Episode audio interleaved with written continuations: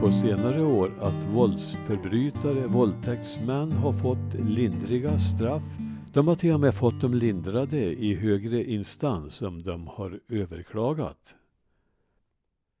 Detta fick mig att göra lite jämförelse med hur det förr i tiden. På 1700-talet till exempel. Det finns mycket att jämföra med i domböckerna från den tiden. När sex före äktenskapet överhuvudtaget kunde medföra dryga böter och fängelsestraff. Sex före äktenskapet, det var allvarliga saker förr i vardagen. Nya Värmlandstidningen den 29 mars 2014. En del domar som har avkunnats på senare tid har upprört många. Våldtäktsförbrytare får lindriga straff, om ens några, och det vill mycket till om en förföljare ska behöva stå till svars för brott mot besöksförbud. Hovrätten tycker att det är ganska okej okay att flickor blir filmade i intima situationer och uthängda på nätet. Jag vill inte påstå att jag önskar tillbaka straffskalan från Gamla testamentet, men jo, i vissa fall. Nästan. Kvinnorna ska inte behöva hålla sig inomhus av fruktan för överfall. Ingen ska behöva gömma sig av rädsla att ofredas. Med dessa dystra fakta i bakhuvudet har jag ägnat lite tid åt att studera Chris Hennings avskrifter av saköreslängder, alltså böteslängder, från Älvdals härads övre tingslag under andra hälften av 1700-talet. Jag har förvånats över hur tiderna har förändrats och över hur olika man har bedömt brott från tid till annan. När man jämför då och nu kan man undra om det inte skulle kunna finnas något mittemellan, något lagom.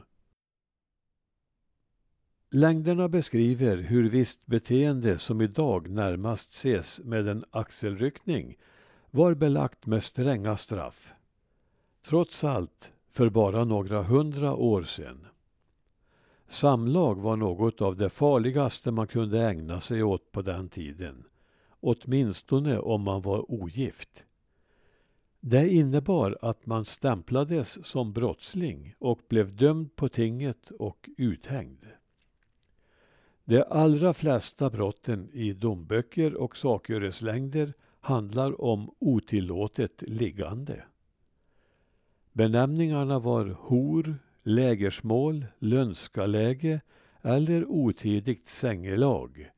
Men själva gärningen var densamma.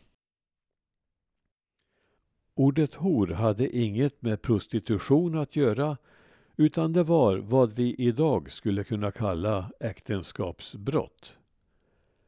Benämningarna var enkelt eller dubbelt hor beroende på om bara den ena eller båda parterna levde i ett annat äktenskap.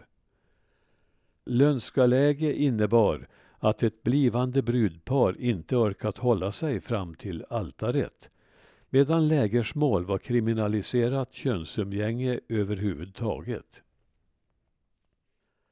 Med tanke på det stora antalet bötfällda kärlekskranka män och kvinnor som överbefolkar domböckerna kan man undra hur statens finanser skulle ha sett ut utan deras försyndelser. Otaliga kärleksstunder kostade dryga bötesbelopp och stärkte statskassan. På vissa ting var det så många bötfällda att sekreteraren rabblade upp dem i en klump så som vid 1793 års vinterting då nio pigor samtidigt dömdes för lägersmål. Summan på prislapparna varierade efter hur allvarligt brottet ansågs vara.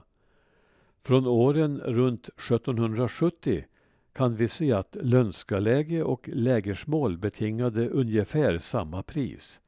Det vill säga för män ofta 14 daler och halva beloppet för kvinnor. Könsumgänge mellan kusiner ansågs som betydligt allvarligare, vilket drängen Jon Sonesson i Osebol fick erfara vid vintertinget 1771, då han blev dömd att böta 54 daler och kusinen Ingeborg Larsdotter 42 daler.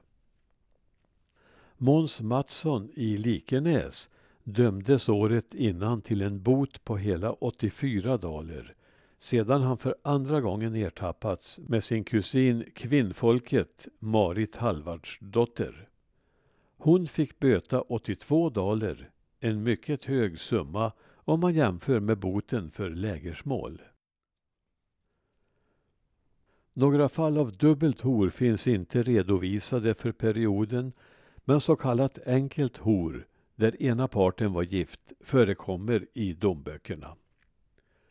På hösttinget 1767 bötade gifta mannen Mattes Jonsson i Mjönäs för enfalt hor och lönskaläge 94 daler medan kvinnspersonen Karin Olsdotter i Nedre Värnäs kom undan med halva beloppet. Om samma brott begicks en andra gång, vilket ofta skedde, fördubblades boten.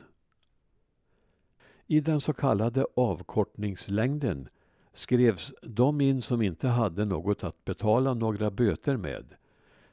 De kunde då istället avtjäna sina straff i fängelse och det var mest kvinnorna som saknade kontanta medel och därför kunde få en vecka bakom lås och bom. Kroppsstraff som piskning utdömdes också för den som inte kunde betala för förbrytelserna. Men fängelsestraffet blev mer vanligt med åren. Från hösttinget 1796 meddelas att pigan Ingeborg Nilsdotter i Ransby som för andra gången förbrutit sig genom lönskaläge därför fick 14 dagars fängelse.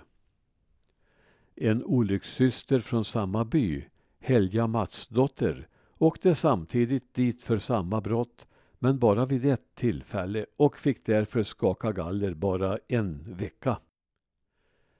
Det nämns också att de ålades kroppsstraff. En del som inte hade medel till böter kunde också åläggas att göra dagsverken vid kyrkan. Om man jämför bötesbeloppen för andra förbrytelser vid ungefär samma tid som det ovan nämnda kan vi ge följande exempel.